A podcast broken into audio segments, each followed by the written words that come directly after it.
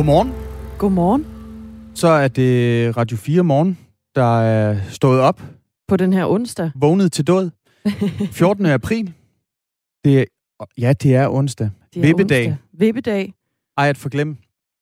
Men øh, der, vi har godt nok øh, meget på paletten i dag. Øh, hvor skal vi starte henne, Dagmar? Jamen, øh, vi kan lige starte med at nævne øh, USA, hvor øh, der de seneste måneder øh, egentlig har været blandt de forreste lande i kapløbet om at få deres befolkning vaccineret. Men nu sætter de altså en af deres øh, vaccinationsvarianter på pause. Det er den her Johnson Johnson vaccine. Pausen den skaber øh, blandt andet bekymring for, hvad den vil betyde for den i forvejen ret store vaccineskepsis, der er blandt øh, befolkningen. Om et par minutter, der stiller vi om til Anne Alling, som er med fra USA. Og en af de ting, der jo er rigtig praktisk ved den her Johnson-vaccine, det er jo, at den kræver et stik. Ja, det er så smart. Mod de andre, som vi i øjeblikket øh, vaccinerer med, der kræver to. Med et par ugers mellemrum. Præcis.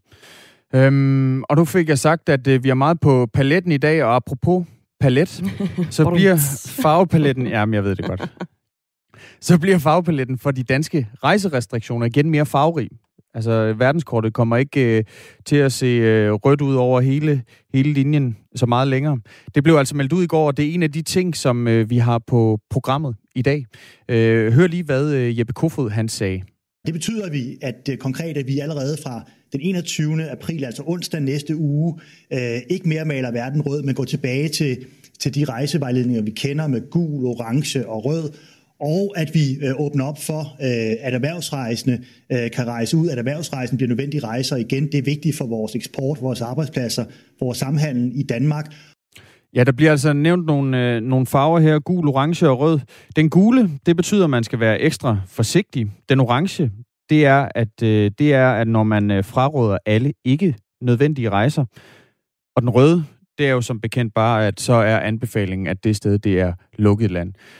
Der indføres nemlig fra den 21. april, altså næste uge, mere lempelige regler for danskere, som rejser til for eksempel egen ødegård i Norden. Derudover så udvides den her liste over anerkendelsesværdige formål, så blandt andet højskoleelever og udvekslingsstuderende igen kan rejse ind i Danmark. Det er altså fra 21. april. I anden fase, øh, den øh, anden fase, den starter 1. maj, og der vil færdigvaccinerede danskere og udlænding fra gule og orange EU- og Schengenland kunne rejse ind og ud af Danmark uden krav om test og isolation efter indrejse til Danmark. I den tredje fase, der øh, forventes i hvert fald lige nu at starte den øh, 14. maj, det er når øh, alle borgere over 50 år, der altså ønsker det, har fået første stik af en vaccine, der vil kravet om anerkendelsesværdige formål blive afskaffet for alle udlændinge, der indrejser fra orange lande. Du behøver altså ikke have en skidegod grund med i øh, baglommen for at komme, øh, komme ind i, øh, i Danmark. Og den fjerde og den sidste fase, den forventes at starte, når et EU-coronapas er taget i brug. Og i aftalen, der forventes det at være omkring den 26. juni, men det er jo stadigvæk, alt kan stadig nå at ske i den her coronatid. Og i den her fase, der vil danskere så kunne rejse ud i Europa og holde jamen, sommerferie igen. Og dermed byder vi velkommen til dagens Radio 4 morgen. Studiet Dagmar Eben Østergaard og Christian Magnus Damsgaard. Og som altid, så er sms'en åben. 1424. Start din besked med R4 og et mellemrum. Vel mødt. I løbet af de seneste måneder, der har USA været blandt de forreste lande i øh, kapløbet om at få deres befolkning vaccineret mod coronavirus. Men i går, der måtte USA altså øh, køre pitstop, da en af deres vaccinationsvarianter, altså den her Johnson Johnson-vaccine, den blev sat på pause. Og det skete efter, at seks amerikanere de har fået blodpropper, kort efter de har modtaget vaccinen. Pausen den er altså både kritisk for den fortsatte vaccination af amerikanerne, men den skaber altså også bekymring for, hvad den vil betyde for den her relativt store vaccineskepsis, der er i USA. Anne Erling, godmorgen. Godmorgen. Du er journalist og bosat i USA, og du følger selvfølgelig den her udvikling, var jeg lige ved at sige. Først og fremmest, hvad, hvad ved vi om øh, de her bivirkninger? Hvad har været fremme i USA? Men situationen den minder faktisk meget om, om det, som vi bare for nyligt jo så med AstraZeneca-vaccinen. Øh, det, som, øh, det, som er kommet frem, det er altså, at seks amerikanere har fået blodpropper i et sted mellem 1 og 3 uger efter de har fået vaccinen. Det er alle sammen kvinder øh, mellem 18 og 48 år. En af dem er omkommet, en er i, øh, i kritisk tilstand. Øh, der er altså endnu ikke ligesom direkte bevist en sammenhæng mellem de her blodpropper og vaccinen, men det har altså været nok til, at både Johnson Johnson i en pressemeddelelse har anbefalet, at man, øh, man sætter vaccinationerne på, på, øh, på pause, og det er så også det, som, øh, som de amerikanske sundhedsmyndigheder de gjorde i går, samtidig med jo så også, at Johnson Johnson de ligesom midlertidigt har forsinket forsendelserne af deres vaccine til Europa. Og nu fik jeg jo også sagt her i oplægget, at øh, man er sådan bekymret for, hvad det her kan betyde for vaccineskepsisen i USA. Kan du ikke øh, forsøge at gøre os lidt klogere på, hvor skeptiske de amerikanske borgere er øh, ved at tage øh, vacciner? Jo, altså der er selvfølgelig meget stor forskel øh, på, hvad, hvad amerikanere de ligesom mener om denne her vaccine. Der er tæt på 130 millioner amerikanere, altså tæt på en tredjedel af befolkningen, som allerede er blevet vaccineret. Men man har altså også øh, allerede inden at denne her nyhed om Johnson Johnson kom ud, der var eksperter faktisk allerede i tvivl om, om USA ville kunne nå op på det her magiske 80%, som skulle give flokimmunitet, altså fordi at mange amerikanere stadigvæk er skeptiske, og mange af de argumenter, som jeg hører, altså nogle af dem går på, at, altså, at det her det ligesom er gået for hurtigt, at man, øh, man mener, at det er en, ligesom en forskyndet proces, øh, at man ikke kender langtidsbivirkningerne. Og det er jo også præcis det, som, som man ligesom er nervøs for nu, at denne her Johnson og Johnson situation, den ligesom vil, vi ligesom vil give kul til denne her skepsis, at den vil være bevis for nogen om, at man altså ikke ved nok om de her vacciner. Så er der også nogle skeptikere, som har sådan mere farverige øh, konspirationsteorier om, at øh, hvad der ligesom kan være i denne her vaccine, alt fra chips til 5G-signaler øh, mm. og sådan noget. Det er, lidt en, det er lidt en anden gruppe, men, men i hvert fald denne her sådan del med, hvorvidt altså, at, at man har været for hurtig og ikke kender nok til, til virkningerne, det er noget, som en, altså, som en, en betydelig del af den amerikanske befolkning stadig er nervøs for. Herhjemme der har Danmark jo forhåndsindkøbt øh, 25 øh, millioner øh, doser vacciner fra forskellige producenter. Og det USA har jo også øh, flere forskellige vacciner til rådighed. Hvor, hvor udbredt var brugen af Johnson Johnson i USA? Men altså indtil videre, der er der blevet givet 7 millioner øh, Johnson og Johnson vacciner, og det er jo sådan i amerikansk målestok, kan man sige, ikke så mange i forhold til den øh, over 300 millioner store befolkning. Og det er også det, som, øh, som altså myndighederne og altså især det hvide hus virkelig er ude at understrege nu, at Altså, det er seks mennesker ud af 7 millioner, altså under en ud af, af en million, der har, der har fået de her blodpropper.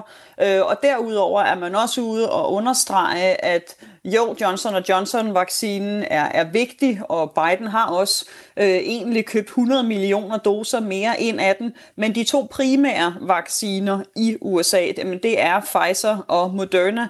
Øh, dem bliver der givet over, jeg mener det er over ja, 23 millioner doser af om ugen. Så på den måde så er Johnson Johnson en, en mindre vaccine, men samtidig også en, som, som har været særlig populær, fordi, som, øh, som du også siger, at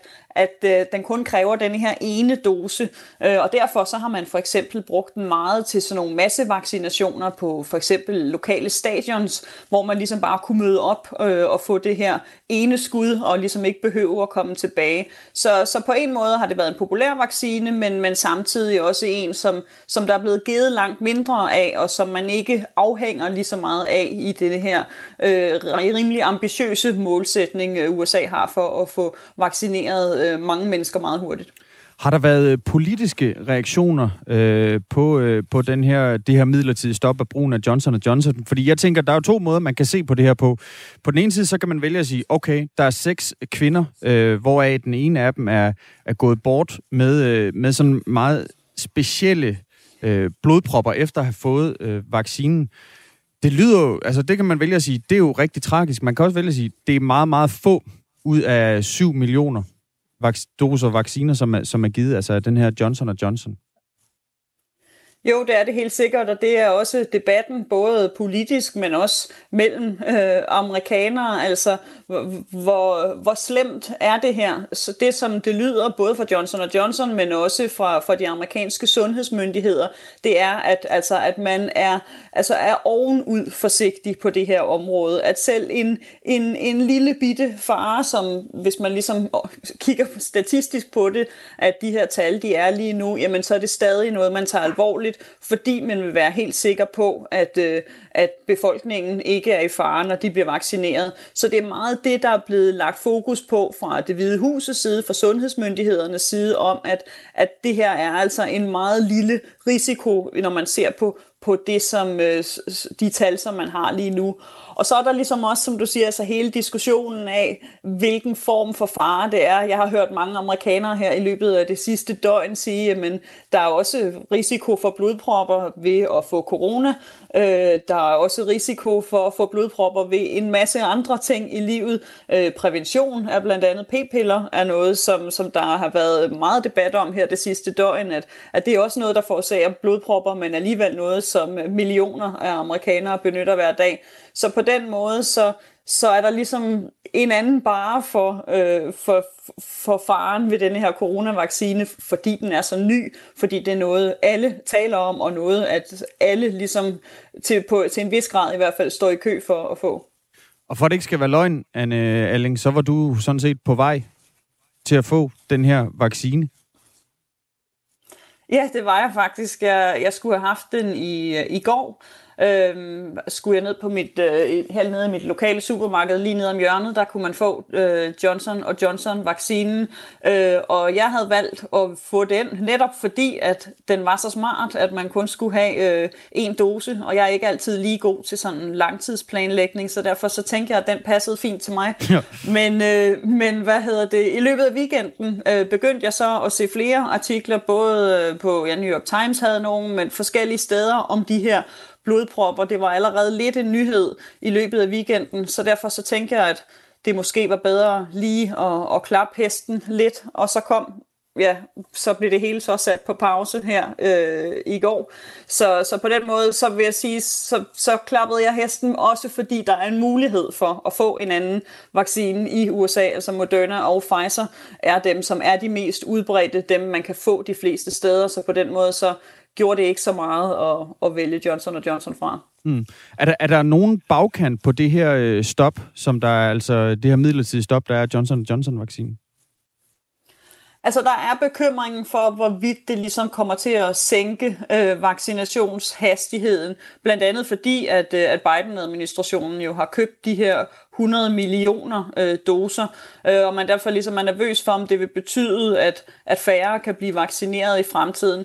Men der lyder det fra, fra regeringen, at det ikke kommer til at, at spille ind, at man sagtens kan fortsætte i samme tempo med, moder, med Moderna og, og Pfizer. Og så derudover altså, så er den største frygt, øh, bekymring lige nu, altså hvad denne her nyhed kommer til at gøre ved, øh, ved dem, der i forvejen øh, var skeptiske. Og det er noget, som, øh, som vi kommer til at se i de næste uger, øh, om altså vi kommer til at se folk ikke møde op til deres, øh, til deres vaccinationsbookinger, eller måske bare i det hele taget ligesom ikke skrive sig op til at blive vaccineret. Mm.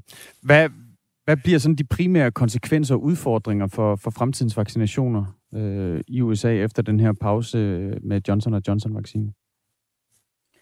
Det bliver at, at blive ved med at overbevise øh, amerikanerne om, at det er, at det er vigtigt øh, at blive vaccineret, og så på, på endnu længere sigt, jamen, så er der jo også snak om, hvorvidt øh, og hvornår man ligesom skal begynde at have de her booster øh, doser, altså fordi at man ikke helt har styr på endnu, hvor længe vaccinationerne de, øh, de virker. Og der var planen med Johnson Johnson-vaccinen, at den altså skulle bruges i fremtiden til at give de her sådan booster-vaccinationer, øh, når man ligesom skulle have, have genopladt sin, øh, sin vaccine. Og der bliver man nødt til at, at finde et, øh, et alternativ, hvis man vælger ikke at bruge Johnson Johnson, men det lyder altså også for, for Biden-administrationen og for sundhedsmyndighederne, at man regner med at kunne øh, gå i gang med at bruge Johnson Johnson igen om, om få dage, hvis altså at man, man, kan, man, man kan bevise, at, øh, at, at, de her, at den her risiko er så lille, som det ser ud til, øh, at den er lige nu.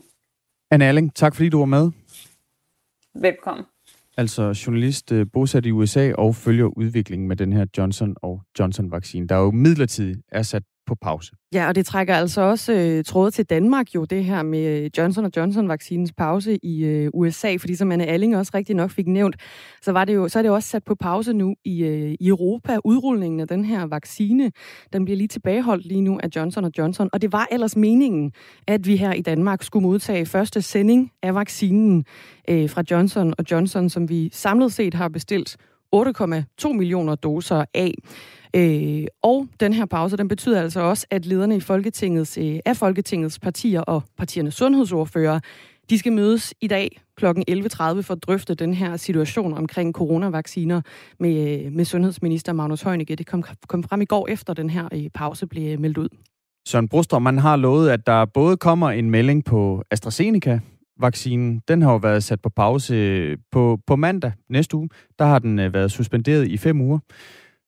Men Søren Brostrøm, direktør i Sundhedsstyrelsen, han har altså lovet, at der kommer en afklaring på AstraZeneca-vaccinen.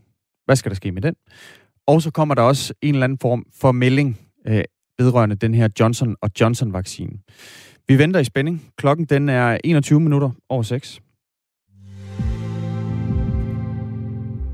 Og nu er vi heldigvis så langt med corona, at øh, der er kommet vacciner. Der er selvfølgelig så nogle udfordringer med dem, men der er altså gået over et år med øh, corona, og det har medført en hel masse nye ord.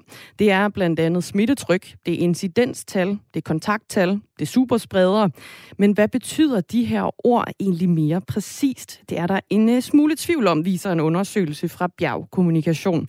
Her fremgår det, at øh, bare 44 procent af danskerne, altså under halvdelen, øh, de har valgt den rigtige definition af ordet virus i en såkaldt multiple choice undersøgelse. Og vi slår lige det rigtige svar fast på, hvad en virus egentlig er. Det er nemlig øh, bitte små partikler, der kun kan formeres i levende celler. Og en udbredt misforståelse, det er ellers, at en virus det er en bakterie. Det mener i hvert fald 40 procent af danskerne ifølge den her undersøgelse fra Bjerg Kommunikation. Et andet ord, som øh, bruges meget under corona, det er incidens, og det bruges til at beskrive, hvor hyppigt en sygdom optræder hos en befolkningsgruppe i en bestemt periode. Her er der valgt 59 procent af danskerne i undersøgelsen den korrekte definition af ordet incidens. Vores reporter her på Radio 4, Oscar Leo Mathisen, han har været på gaden for at trykteste danskernes viden. Ordet virus, ved du hvad, ved du, hvad det betyder? Det er bare en, øh, en biologisk skadelig... Noget biologisk, der er farligt for kroppen. Det er en... Øh, det, er en det er en organisme, en intelligent organisme, tror jeg nok. Øh, øh, og adskiller sig fra bakterier, men jeg ved ikke lige helt, hvordan. en person, øh, der har, det ved jeg sgu ikke, hvad siger man, altså, en, der har det skidt, øh, som vil kunne smitte med noget sygdom over for andre.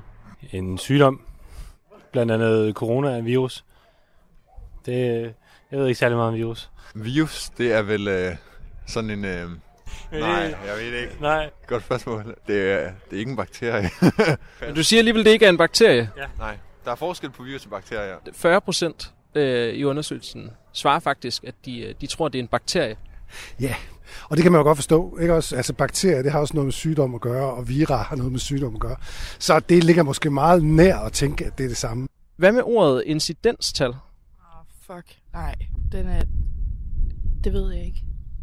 Incidens, det er jo noget med, hvor mange gange det er sket, eller sådan incident. Så det er vel, øh, hvor mange der er blevet smittet, tror jeg. Incidenstal, ja, det er, hvor, meget, hvor mange ud af en vis mængde, der, der får en sygdom, ikke? Noget af andelen af... Ej, den er blank lige nu. Altså, jeg har hørt det før, og jeg læste meget på Statens Serum Institut. Incidenstal, er det ikke, er det ikke, hvor mange der bliver smittet i, for eksempel i Aarhus, per 1000 indbygger, eller sådan et eller andet. Det beskriver, hvor, hvor hyppigt en, en sygdom optræder hos en uh, befolkningsgruppe. Ja. Altså, der er hen i retning af, men, men ikke helt nej. Ja, det var altså også Karl Leo Mathisen, der havde været på gaden og øh, talt med danskerne om nogle af de her ord, der kan være lidt tvivl om, hvad de egentlig betyder. Nu kan vi sige uh, godmorgen til dig, Esben Bjergård Nielsen. Esben Bjergård Nielsen. Godmorgen. Lektor i retorik på Institut for Kommunikation og Kultur på Aarhus Universitet. Mange af de her ord, vi hører dem næsten hver dag for tiden, på grund af, af corona jo. Men hvor vigtigt er det for de budskaber, vi modtager, at vi rent faktisk forstår de enkelte ord? Altså man kan jo sige, øh, der, er, der er et både over her, ikke? Folk kan sagtens forstå øh, sådan hovedpointen af et budskab, også selvom de ikke har de enkelte definitioner sådan øh, helt klart inde på ryggraden. Omvendt, øh, så kan man sige, der er utrolig mange ting, vi diskuterer lige nu, som jo øh, også er noget, som befolkningen ikke øh, skal, skal være en del af i et demokratisk samfund. Ikke? Vi skal deliberere med hinanden om, hvad er det bedste at gøre her.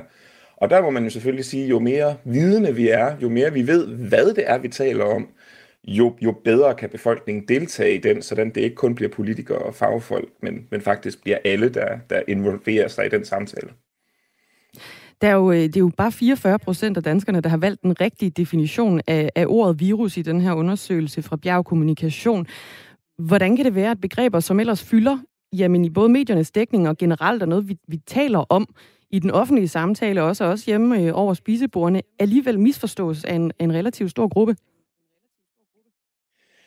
Altså, der, der er jo den her øh, misforståelse, både nogle gange hos, øh, hos forskere og hos, øh, hos offentlige instanser, og endda også hos journalister, om at folk de, de selv aktivt går ud og indhenter information om ting, som andre synes er vigtige.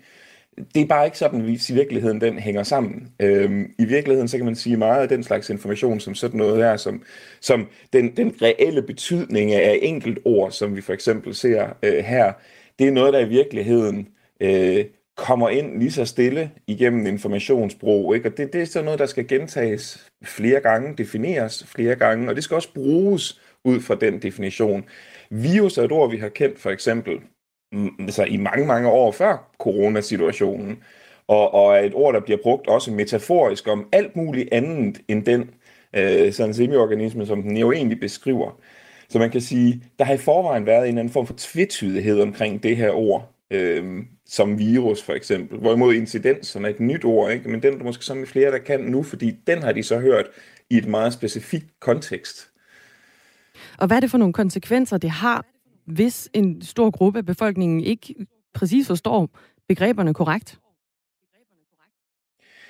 Jamen altså, øh, den første konsekvens er at vi kan komme til at tale forbi hinanden. Øhm, et, et af udgangspunkterne for at have en, en samtale mellem to personer, men og endnu vigtigere, når vi har en samtale, som er imellem måske 5 plus millioner mennesker, som vi har i et demokrati som Danmark, jamen det er jo, at vi er på samme side om, hvor, hvad det er, vi snakker om, og hvordan det er, vi snakker om det.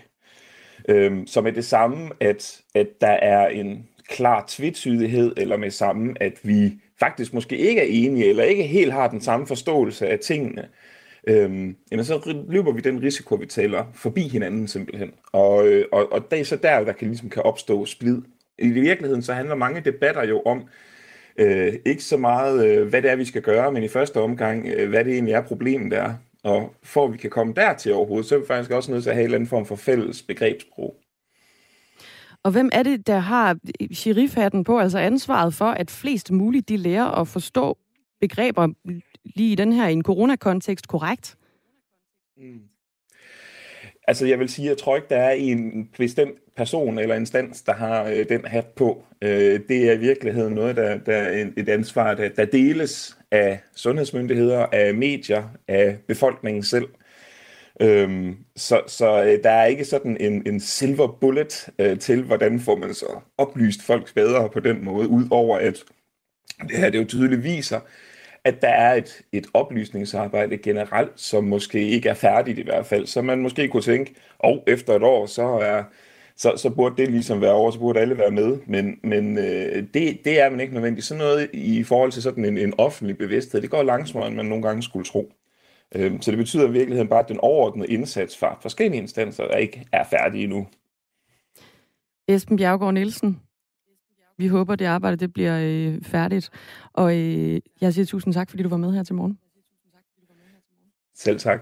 Altså lektor i retorik på Institut for Kommunikation og Kultur på Aarhus Universitet.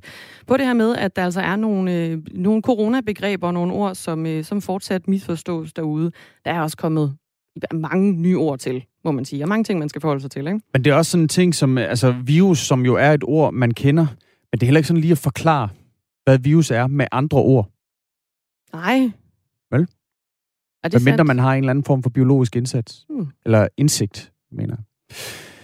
En, der i hvert fald er fyldt med øh, gode indsigter og perspektiver, det er allesteds nærværende Henrik Møring, der giver dig nyhederne her på Radio 4 morgen.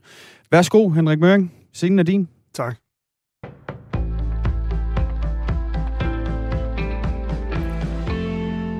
Et bredt flertal i Folketinget har aftalt at lempe for rejserestriktionerne ind og ud af Danmark frem mod sommer. Restriktionerne skal lempes i fire faser frem mod den 26. juni. Fase 1 træder i kraft allerede næste onsdag den 21. april. Det sker blandt andet ved, at det såkaldte incidenstal for at åbne og lukke visse lande og regioner bliver hævet markant. Det er muligt, fordi smitten med covid-19 ikke længere er så udbredt, siger justitsminister Nick Hækkerup. Vi er et godt sted, hvor vi har smitten under kontrol. Omvendt så må man også sige, når vi ser ud i Europa, så er der rigtig mange lande omkring os, hvor det ikke går så godt. Og derfor så kan vi ikke åbne lige med det samme. Men vi har lavet en aftale, en bred aftale i Folketinget, som i faser åbner øh, for rejser. Selvfølgelig under den forudsætning, at smitteudviklingen tillader det. Der er en risiko ved at lade udlændinge komme til Danmark, men det er der taget højde for i planen, siger ministeren. Det håndterer vi ved at sige, hvis du er færdigvaccineret øh, danskere som udlænding, så er risikoen meget lille, og derfor vil vi fra 1. maj, der vil du kunne rejse ind og ud af Danmark. Omvendt siger vi også, at øh, fra 14. maj og frem, så selvom man ikke er vaccineret, så vil man, så vil man kunne rejse, men kun til lande, hvor incidensen, altså hvor smitten ikke er så høj. Rejsebureauet Spis er positiv over de nye rejseudsigter, mens brancheforeningen Dansk Rejsebureauforening mangler svar. Flere favoritrejsemål ligger lige nu på eller under den nye incidensgrænse, som skal være gældende fra midten af maj. Det gælder for eksempel Kreta, Mallorca og Madeira. Og det er gode nyheder for Spis, siger direktør Jan Vendelbo.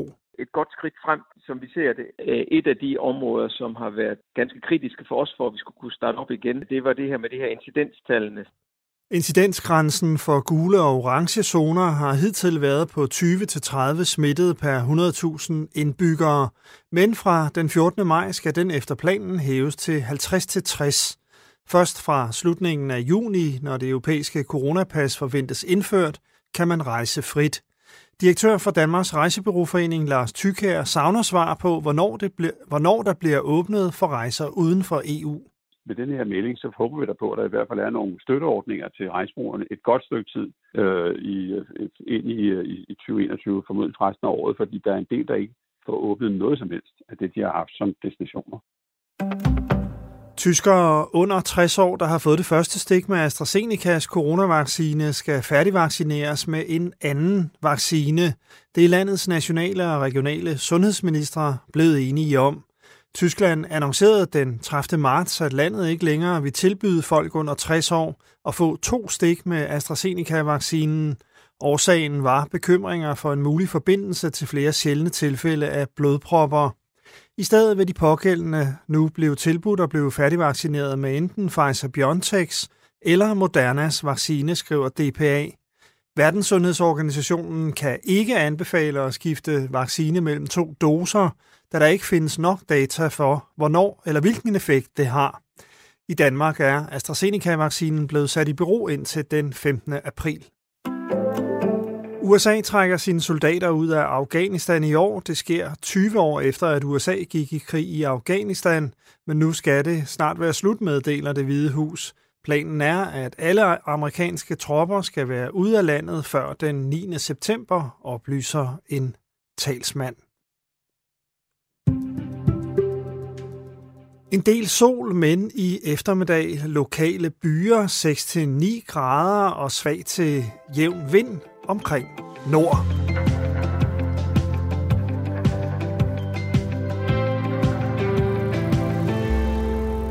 Således altså oplyst ved hjælp af Henrik Mørings fløjlsbløde stemme. Her der er det Christian Magnus Damsgaard og øh, Dagmar Iben Østergaard, der beværter denne dags udgave af Radio 4. Vi prøver at gøre vores øh, stemmer lidt mere fløjlsbløde med lidt kaffe. Præcis. Der er ikke noget, der smører stemmebånden så godt som kaffe. Det er det. Øhm, vi skal øh, nu til øh, en historie, der fyldte ganske meget i medierne i går aftes. For der er nemlig godt nyt for folk, som øh, bare vil på ferie eller ud at rejse. Der bliver nemlig øh, lempet på øh, rejserestriktionerne. Udenrigsministeriets rejsevejledning. For i går aftes, kort før kl. 21, der indgik regeringen og Folketingets partier med undtagelse af Nyborgerlige en aftale om lempelse af rejserestriktionerne. Sådan her lød det kort øh, efter udenrigsminister Jeppe Kofod øh, havde indgået den her aftale med Folketingets partier. Så han sagde sådan her til TV2. Det betyder vi, at øh, konkret, at vi allerede fra den 21. april, altså onsdag næste uge, øh, ikke mere maler verden rød, men går tilbage til, til de rejsevejledninger, vi kender med gul, orange og rød, og at vi øh, åbner op for, øh, at erhvervsrejsende øh, kan rejse ud, at erhvervsrejsen bliver nødvendige rejser igen. Det er vigtigt for vores eksport, vores arbejdspladser, vores samhandel i Danmark. Karen Nedergaard, godmorgen. Godmorgen. Du er hoteldirektør på øh, Hotel Absalon i København. Hvad siger du til, øh, til aftalen her? Ja, umiddelbart, øh, der synes jeg jo, det er positivt, at der bliver, øh, der bliver overhovedet talt om at blive åbnet. Øhm, så det, det er, jeg er meget spændt på, øh, hvad der ligesom falder helt på plads, når aftalen den falder på plads. Men jeg synes, det er, det er dejligt, at der kommer til at ske noget. Og, og jeg tror, at øh, ja, det er det, der skal til, for at vi ligesom kan få julene i gang. Hvad, hvad mangler at falde på plads? Jeg tror, det mangler helt at forstå alle de her restriktioner, der jo stadigvæk vil være. Jeg synes, da jeg hørte aftalen, at der var jo tre deadlines eller fire deadlines, som man gik efter. Og de er jo ikke definitive, de her deadlines. Nu hørte vi også i går, der var problemer med Johnson og Johnson-vaccinen. Og, og hvis vores vaccinationsprogram bliver udsat, så er jeg jo bange for, at de også vil udskyde nogle af de her øh, deadlines for åbning, som vi hørte i går. Mm. De her lempelser og de her øh, deadlines og, og faser, som du er inde på, Karen Nedergaard, det er altså, øh, det er altså at der fra den 21. april altså næste uge, bliver indført øh, mere lempelige regler for, for danskere, som rejser til egen ødegård i, i Norden, øh, særligt i Sverige.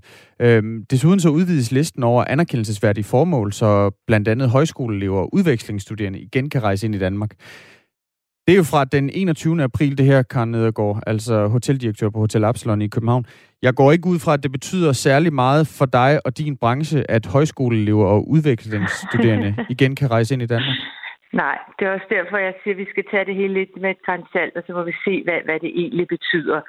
Øh, det er lidt ligesom at sige, at nu er der udendørs servering fra den 21. april. Øh, det er meget koldt uden for restauranterne. Det er jo ikke rentabelt kun at kunne have udendørs servering. Så jeg tror, at, at vi skal et godt stykke hen til, til både maj og juni, før det begynder at have nogen indflydelse på, øh, på øh, hotellerne. Men det er i hvert fald positivt, at man er klar over, at vi kan ikke leve i et samfund, der er fuldstændig øh, rødt. Øhm, og, og folk, de booker jo allerede deres sommerferie nu, så vi har rigtig mange, der jo gerne vil vide for resten af Europa, må vi rejse til Danmark, eller må vi ikke rejse til Danmark? Det, det der var positivt, synes jeg, at, øh, at man siger, at dem, der er blevet vaccineret, færdigvaccineret, at de kunne godt komme ind i landet. For ellers er der ingen grund til, at vi alle sammen går og bliver vaccineret. Så det der er i hvert fald øh, en start, at man ligesom siger, at dem vil vi gerne have. Der er jo rigtig mange øh, ja, både tyskere og englænder, der er blevet vaccineret. Så jeg tror, vi skal godt hen, et stykke hen imod sommer, før, før vi begynder at se en effekt af det her. Ja, fordi det, du er inde på her, det er jo fra den 1. maj, der vil færdigvaccinerede danskere og udlændinge fra gule og orange EU- og Schengenland, de vil kunne rejse ind og ud af Danmark uden krav om test og isolation efter indrejse. Det er vel der, hvor det begynder at batte noget for dig og dit ja, hotel? det er det, jeg håber. Øh, nu er jeg jo spændt på, når jeg går på arbejde i dag, om, om telefonerne virkelig begynder at ringe mere, end de har gjort hidtil. Der er rigtig mange udlændinge, der sidder lidt og lurpasser, de vil rigtig gerne komme til Danmark. Men de vil jo også gerne vide, at de måske ikke skal gå fire dage i isolation. Fordi så er i hvert fald, hvis man er kun på et city hovedstadsophold eller et kortere ophold, ikke, altså ikke sommerhusophold, så vil man jo mest øh, være her tre-fire dage. Øh, og der er ikke nogen, der gider at sidde i isolation hele deres ophold. Mm. Den her øh, fjerde og sidste fase, den øh, forventer man så starter, når et EU-coronapas det er taget i brug. I den her aftale, der forventes det altså at være omkring 26. juni. Øh, og i den her, der er det, det er så også tidspunktet, hvor danskere igen vil kunne rejse ud i Europa og holde sommerferie igen osv. Altså, vil, vil du kunne overleve en sommer, hvor der fortsat er for eksempel isolationskrav om, for udlændinge, der rejser ind? Øh, ikke hvis det er fire dage, fordi som sagt, dem, dem der bor i byerne, øh, de, de kommer jo kun, jeg tror det er 1,8 overnatning i gennemsnit, øh, turisterne de er i København. Så kommer de jo ikke til København, hvis de skal sidde på et hotel og være isoleret i fire dage, så kan de lige så godt blive derhjemme øh, og tage på ferie i deres eget land. Så, så jeg er meget spændt på, øh, hvordan det kommer til at fungere, netop som jeg startede med at sige, når det hele det falder på plads. EU har jo endnu ikke rigtig øh, mødt nogle af de deadlines, de har lovet. Så jeg altså, synes også, det, jeg håber ikke, det er for optimistisk med 26. juni. Men øh, jeg, jeg håber, at det kommer til at ske, og jeg er da sikker på, at vi alle sammen gerne både vil rejse ind og udland til sommer. Hvor mange, hvor mange af dine gæster kommer fra udlandet? Fordi der er også en del snak om, øh, altså, at mange danskere allerede har booket ferie i Danmark. Altså, jeg ved ikke, vil det kunne kompensere noget? Altså, hvor stor, øh, hvor stor en del af dine gæster plejer at komme fra udlandet, versus hvor mange øh, er danskere? På sådan en sommer, der er det 80 procent, der plejer at være udenlandske gæster. Mm. Og sidste år havde vi 20-30 procent belægning, da vi kun havde danskere. Så vi kan, vi kan ikke overleve på en sommer som sidste år kun med danskere. Det kan vi desværre ikke. Vi, vi har brug for de udenlandske gæster, og det har øh, kulturlivet, det har detailhandlen, det er jo dem, der lægger rigtig mange penge i, i butikkerne. Så, så vi har brug for de udenlandske gæster. Mm. Karen Nedergaard, øh, tak fordi du var med. Ja, værsgo. Det kan være, øh, nu, nu fortalte du, at det, du er spændt på, om øh, telefonerne begynder at bimle og bamle. Det kan være, at vi skal give dig et kald øh, i morgen tidlig og høre, om telefonerne de har bimlet og bamlet hele dagen. Ja, så, vil, så kan I ringe til mig som den sidste, inden I lukker programmet. så du vil, du vil sove længe i morgen, eller hvad? ja, jeg skal sove længe i morgen. Jeg har været mange tidlige morgener. Ja. Så, men øh, det håber vi i hvert fald. Tak Der fordi du stod op, øh? Karen Ja, Nedergaard, hoteldirektør på Hotel Absalon i København. Klokken den er 42 minutter over 6. I går der kom en øh, lille ny havørneunge til verden, og øh, det var den første, der blev udklækket for rullende kamera i øh, trætoppen på det sydlige Lolland. Og jeg har lige tændt op for, øh, for Ørne-TV, Dansk Ornitologisk Forenings Ørne-TV. Og der kan man altså se, at der ligger en øh, ørn. Jeg gætter ikke på, at det er unge. Den ser lige stor nok ud, men der ligger sikkert en unge nedenunder. Øh, første æg, det blev lagt søndag den 7. marts kl. 14.59, kan jeg se. Og så kom der også et andet æg, der blev lagt onsdag den 10. marts. Ørnen, den ligger altså her i sådan et, et, et nydeligt virvar af, af grene i sin øh, rede, og øh, holder de her unger og, de, øh, og ægget varmt. Og nu kan vi sige godmorgen til dig, Kim Skelmose.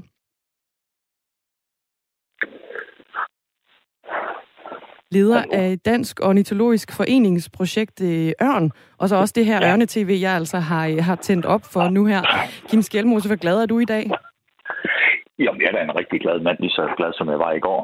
Og, så det er rigtig dejligt, at, der kom øh, en ung ud, og øh, i dag der kommer så nummer to unge, for der er sådan set der er et lille bitte hul på, på nummer to æg, og det konstaterede jeg her klokken 4 i nat.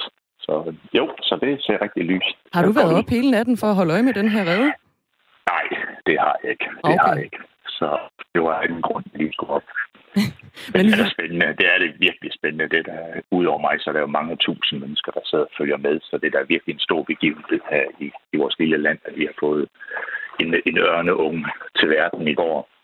Og hvorfor er det så stor en begivenhed, det her?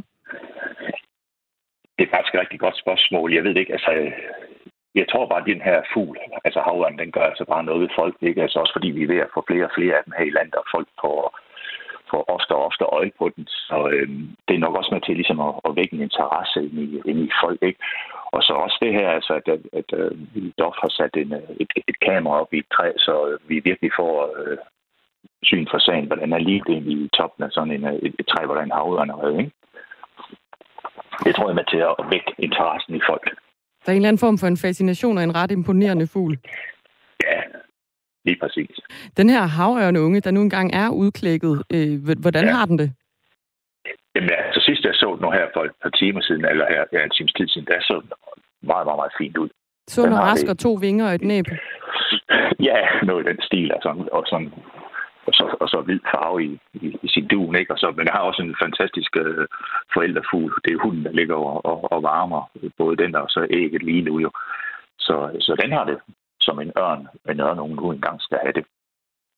Ja, havørneparet i redden her ved Saksfjede Hyldekro på Lolland er altså blandt ja. omkring 140 ynglende havørnepar i, øh, i den her ja. sæson. Og Dansk Ornitologisk Forening har altså siden midten af februar måned haft et direkte videolink til redden her. Og ifølge foreningen, der skulle øh, flere hundrede tv-seere altså øh, se med i går, da ægget her det, øh, det klækkede. Hvordan forløb udklækningen? Den forløb øh, faktisk øh, planlæg, øh, planmæssigt. De kom lidt, altså de kom en, et, et døgn før, eller ungen den kom et døgn før, end jeg lige havde regnet med. Jeg havde sådan på fornemmelsen, at den ville komme i går, så jeg havde sådan fået zoomet ind, sådan at øh, vi kunne begynde at sådan se de første sprækker i, øh, i, i ægget. Jo. Så selve klækningen, den gik fuldstændig øh, lige efter bogen. Okay, så der var zoomet ind hvis, på... Hvis en havørn, den har immer væk sådan en, en udklækningsbog, så, så, så, så, så er det i hvert fald gået efter den i hvert fald, ikke? Men ørnen, den lå så ikke oven på ægget, da det klækkede ud? Nej, men jeg nåede ikke lige sådan at se det hele. Jo, så den kan sagtens sådan stå ovenpå og varme, så den løfter sig bare en lille smule, så... Øh, og når den så lige sådan rejser sig lidt op for forældrefuglen, så, kan man sådan, så fik jeg lige zoomet ind og kunne se, at nu var ungen sådan kom helt ud af ægget. Så, øh, jeg kan se uh, inde på Ørne TV's hjemmeside, der er det, det er 37 dage siden uh, første æg blev lagt, og så er det 34 ja. dage siden anden ja. æg blev lagt. Ja. Altså, er det, er det normalt, at der er altså tre dage? Ja, det er ganske normalt Nå. imellem dem. Ja. Jeg tænker bare, at altså, det ville være svært at forestille sig for eksempel en, en mor med tvillinger, føde den ene tvilling, og så vente tre dage med den næste. det var en fantastisk sammenligning. Men det er ja. altså helt naturligt uh, ude i naturen, at uh, der er lige den. Men du kan også se nu, altså, at uh, når den første unge er kommet ud, så speedes uh, processen altså op for, for de andre i, i, i de æg, der er. Så den kommer allerede ud i dag, og selv den er den lagt lidt senere, ikke? så mm. kommer den ud, så kommer den til verden i dag. Så det er helt naturligt, det der foregår lige nu.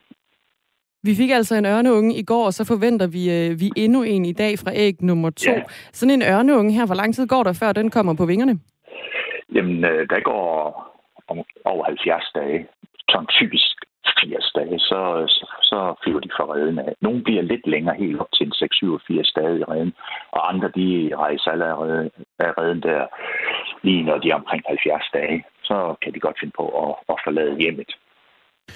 Kim Skelmose, tak fordi du var med. Ja, velbekomme. Altså leder af Dansk Ornitologisk Foreningsprojekt Ørn og øh, Ørne-TV-mand om den her udklækning af det første ud af to havørneæg.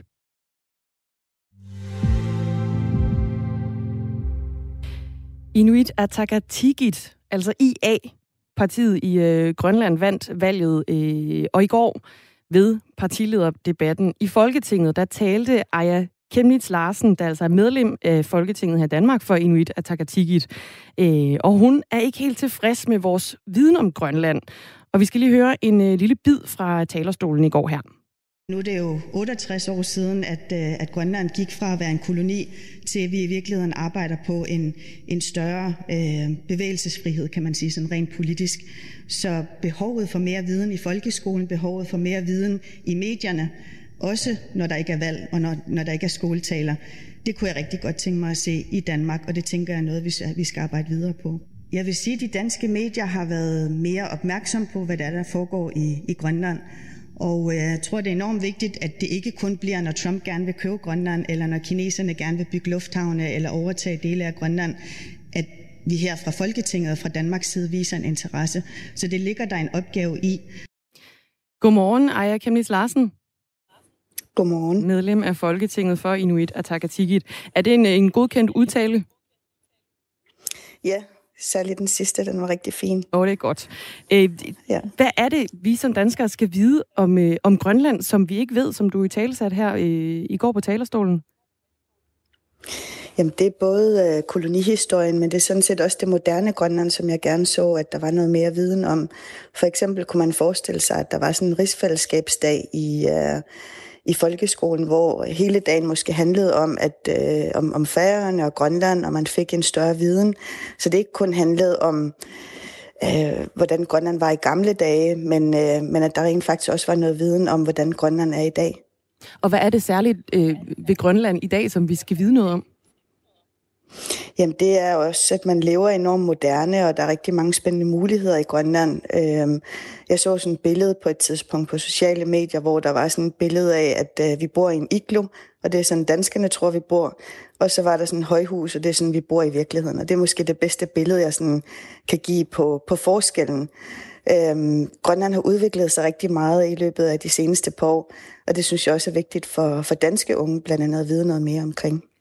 Og hvad er det konsekvenserne de er, hvis ikke jamen, danske unge de, de ved noget om, øh, om, hvad det er, der foregår i Grønland i dag? Jamen det er, at der er fordomme øh, over for hinanden. Jeg hører jo stadigvæk mange historier, hvor folk spørger, om vi rider på isbjørne, og om... Øh, øh, altså, øh, hvor der virkelig er sådan manglende viden, øh, om vi spiser selv hele tiden, og om netop om vi bor i igloer. Øhm, og, og så er der jo selvfølgelig det her spørgsmål omkring, øh, om vi drikker guldbejer hele tiden. Og der må man sige, at øh, danskere generelt drikker mere end grønlændere. Øh, så, så der er i hvert fald noget viden, som skal opdateres blandt de unge. Og jeg tror egentlig også særligt det her møde mellem unge, øh, unge grønlændere og unge danskere, det tror jeg bliver enormt vigtigt. Øh, tidligere har vi fået afsat nogle penge til blandt andet flere studierejser, sådan så det er nemmere at rejse til Grønland frem for at rejse til England for eksempel på, på studierejse. Og det synes jeg er sådan nogle rigtig gode initiativer, som vi, vi er nødt til at gøre meget mere. Og så skal vi have meget mere ud i radioerne, ude i tv omkring Grønland også. Og nu foreslog du den her øh, rigsfællesskabsdag i for eksempel i folkeskolen. Øh, hvad er det konkret sådan en dag skal gå ud på? Jamen, det kunne jo være, at, øh, at der var unge grønlændere for eksempel, som der, der bor jo rigtig mange grønlændere i Danmark, cirka 17.000, at de måske kom ud og fortalt sådan med et, øh, et lidt mere menneskeligt perspektiv, frem for man ser en eller anden kedelig lærebog. Og vi ved også, at der er rigtig mange lærere, som ikke nødvendigvis lærer noget på Øh, lærerseminaret om, om Grønland. Så det her med at, øh, at få folk til at, at mødes, særligt unge, det tror jeg rigtig, rigtig meget på. Og så arbejder jeg frivilligt i noget, der hedder Polarskolen, hvor vi netop også øh, har sådan nogle interaktive øh, muligheder for, at man kan komme ud og høre noget mere om, om Grønland og lave nogle forskellige øvelser, sådan så man får Grønland lidt, lidt ind under huden på en lidt sjov måde. Og det tror jeg rigtig meget på øh, er vejen frem. Hvad med, hvad med den, den voksne del af den danske befolkning? Jeg gætter ikke på, at det er børnene, der spørger, om I drikker mange guldbejer på Grønland. Det er det også nogle gange. Øhm, det er det desværre. Hvad hedder det? Men jeg tænker, øhm, Danmarks Radio, øh, TV2, øh, for, forskellige radiokanaler, der vil det jo også være super interessant at at høre noget mere omkring Grønland, hvor det ikke kun handler om de sociale problemer eller den smukke natur i Grønland, men det kunne også godt handle om alle mulige aktuelle problemstillinger i Grønland, som optager os, som, øh, som også kunne interessere de danske øh, lyttere og, og, øh, og, og dem, der ser med. Det kunne jo for eksempel godt være boligprogrammer fra Grønland, det kunne godt være rejseprogrammer eller madprogrammer, øh, frem for at det netop bliver de sociale problemer, der er det eneste øh, vi hører om, eller nu øh, selvstændighed under valget. Altså hammerslag, eller kender du typen fra, fra Grønland? Ja, og det har der jo været nogle enkelte eksempler på, men det kunne jo godt være, at, øh, at vi havde nogle flere af dem. Fordi jeg tror virkelig på det her med at, at fortælle om alt, hvad der er midt imellem. Altså det normale liv, der også leves i Grønland, og det, de interessante ting ved Grønland. Øh, blandt andet det at rejse, og der er Grønland jo virkelig også kontrasterne hvor vi både har det moderne Grønland, men vi også har det meget traditionelle Grønland, nærmest side om side, også i storbyerne. Du nævner det selv fra, øh, fra talerstolen, og der var også flere eksempler i salen i går. Øh, ret mange er, er, er ret positive og vil gerne bringe jamen Danmark og Grønland øh, tættere sammen. Hvorfor sker der ikke nok på det her område lige nu, når, når der nu er øh, velviljen til det? Jamen det, det skal jo foregå i de her store forhandlinger, som der er i Folketinget, blandt andet medieforledet og, og skoleforledet. Og øh, der sidder vi ikke med i dag, øh, og det har vi ikke gjort. Øh, og det synes jeg er forkert, fordi fra Grønlands side kan vi jo netop også være med til at pege på nogle konkrete løsninger til, til hvor man så kunne være med til at sikre den her øh, øgede viden i, i samfundet. Så det er noget af det, jeg kæmper for indtil videre. Så må jeg jo så øh, samarbejde med mine kollegaer, mine danske kollegaer, som så sidder med i de her forhandlinger, sådan, så de kan være opmærksomme på de her områder. Din kritik den handler en del om, hvad, hvad øh, danskerne og Danmark kan gøre. Hvis vi nu vender den om, hvad kan grønlænderne så gøre for at opdatere jamen, den fælles viden om, om hinanden og få, øh, få landet til at knytte et tættere bånd? Jamen, der er jo blandt andet de grønlandske huse, som, som jo findes, og hvis man som lærer for eksempel lytter med, så kan man jo tage fat i de grønlandske huse og høre, om, om de har noget viden, så man selv kan blive opdateret mere. Øh, som sagt sidder jeg også i, i Polarskolen, hvor vi også arbejder frivilligt for at, at sikre mere viden, så det er jo også øh, et initiativ, man kan tage fat i. Øhm, og så i Grønland, så må jeg sige, at vi kender rigtig, rigtig meget til, til Grønland, og vi bliver undervist rigtig meget i forhold, der har med Grønland at gøre men det går ikke rigtig den anden vej. Øh, og det tror jeg bare er en vigtig forudsætning, hvis det er, at vi ønsker, at øh, der skal være et godt rigsfællesskab øh, i fremtiden også. Aya Kemnitz Larsen, tusind tak. Selv tak. Medlem af Folketinget for partiet Inuit Ataqatigiit, altså IA, som øh, for nylig vandt det grønlandske valg. 6.55 siger klokken. Og øh, dermed er der fem minutter til øh, Henrik Møring går på. En øh, historie, som jeg gerne vil runde nu her, og som vi også kommer til at dykke ned i senere på morgen, det er altså den betydning, det kan få for vaccineprogrammet herhjemme, at Johnson Johnson nu er sat på pause. Sundhedsstyrelsen har endnu ikke meldt noget ud. Øh, meldingen er, at der kommer en udmelding både på AstraZeneca-vaccinen og på Johnson Johnson-vaccinen, som vi altså skulle have modtaget første sending af i dag. Øh, nordmændene, de er lidt foran os. De har allerede meldt ud, hvad, det, hvad de potentielle konsekvenser kan blive for vaccineudrulningen i Norge. Og der er meldingen altså fra Folkehelseinstituttet, altså Sundhedsstyrelsen øh, i Norge, at, øh, at vaccineprogrammet kan blive næsten tre måneder forsinket. Og det er altså som øh, konsekvens af, at både AstraZeneca-vaccinen og Johnson Johnson-vaccinen ikke vil blive benyttet i den nærmeste fremtid. Det oplyser Line Vold, som er afdelingsdirektør hos øh, den norske udgave af Sundhedsstyrelsen. Den her forsinkelse, den kommer, altså, den kommer altså til at kunne mærkes, hvis AstraZeneca og Johnson Johnson-vaccinerne ikke tages i brug. Vi vurderer, at det først bliver et sted mellem 8 og 12 uger, siger hun altså til norske medier. Og, det vil, og så er hun også lidt inde på, hvil, hvem det er, det har mest, øh, eller de største konsekvenser for. Det er de unge. For det er jo dem, der står sidst i køen. Og dermed det det også, bare. der må vente øh, forholdsvis øh, længere. Øh, hun siger også, at det dog afhænger af, om, øh, om man kan få fat i andre vacciner. Og Danmark, de, vi befinder os jo i en øh, vaccinesituation, som minder meget om, om Norges, og, og herhjemme der er Johnson Johnson øh, og AstraZeneca jo også, øh, der er jo også midlertidigt gjort øh, hold i udrulningen af dem. Så hvad så Danmark? Øh, Johnson Johnson, det er jo den, vi har bestilt flest doser af. 8,2 millioner. 8,2 millioner af den her amerikansk producerede øh, vaccine. Jes Søgaard, han er sundhedsøkonom på Syddansk Universitet. Han har, han har regnet lidt på det, og han, øh, han vurderer forløbigt, at det her det kan forsinke den danske vaccinationsplan med 5 til 6 uger. Og lige nu, der er det, hvornår er det, vi ligger på nu? Det er omkring slutningen af juli. Slut juli, 25. Ja. juli eller sådan noget, ikke? Mm-hmm. Den rykker sådan lidt frem og tilbage med en uge. Præcis. Det sker med jævne mellemrum, at den her øh, vaccinationsplan, den bliver revideret. Men indtil videre, der er det 25. juli, der er skæringsdatoen. Den kan blive rykket. Altså lige nu, der står Danmark med fire godkendte vacciner, som altså ligger på lager, eller er, er lige på trapperne. Pfizer-BioNTech, øh, den har vi købt 4,6 millioner af. Den skal man selvfølgelig have, have to gange, to skud af. Moderne, den har vi købt 3 millioner af. Skal man også have to doser af.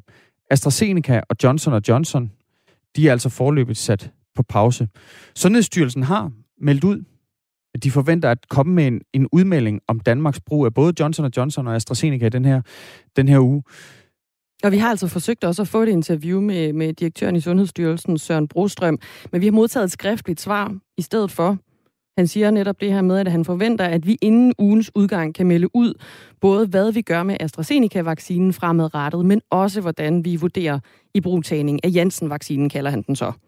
Det ja. er Johnson Johnson, han henviser til, mm-hmm. som den hedder i, øh, i folkemunde. Og de er altså meget opmærksomme på de her nye sikkerhedssignaler, der kommer ind fra, fra USA, hvor den her pause på Johnson Johnson-vaccinen altså er, er startet.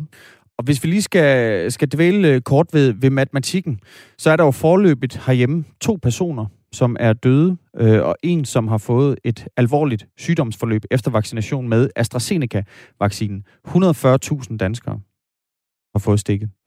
I USA, der har man opdaget seks tilfælde af sjældne blodpropper efter vaccinen. Alle tilfælde var yngre kvinder. Mere end 7 millioner amerikanere har fået stikket med Johnson og Johnson. En ud af, sådan cirka en ud af en million, en ud af 1,2 millioner for, for sådan et, eller har risiko for at få sådan et alvorligt forløb her. Ja. Er det en risiko, som er værd at løbe? Det er det gode spørgsmål nu. 14.24. Start din besked med R4. Klokken den er syv, og Henrik Møring han har nyhederne klar til dig.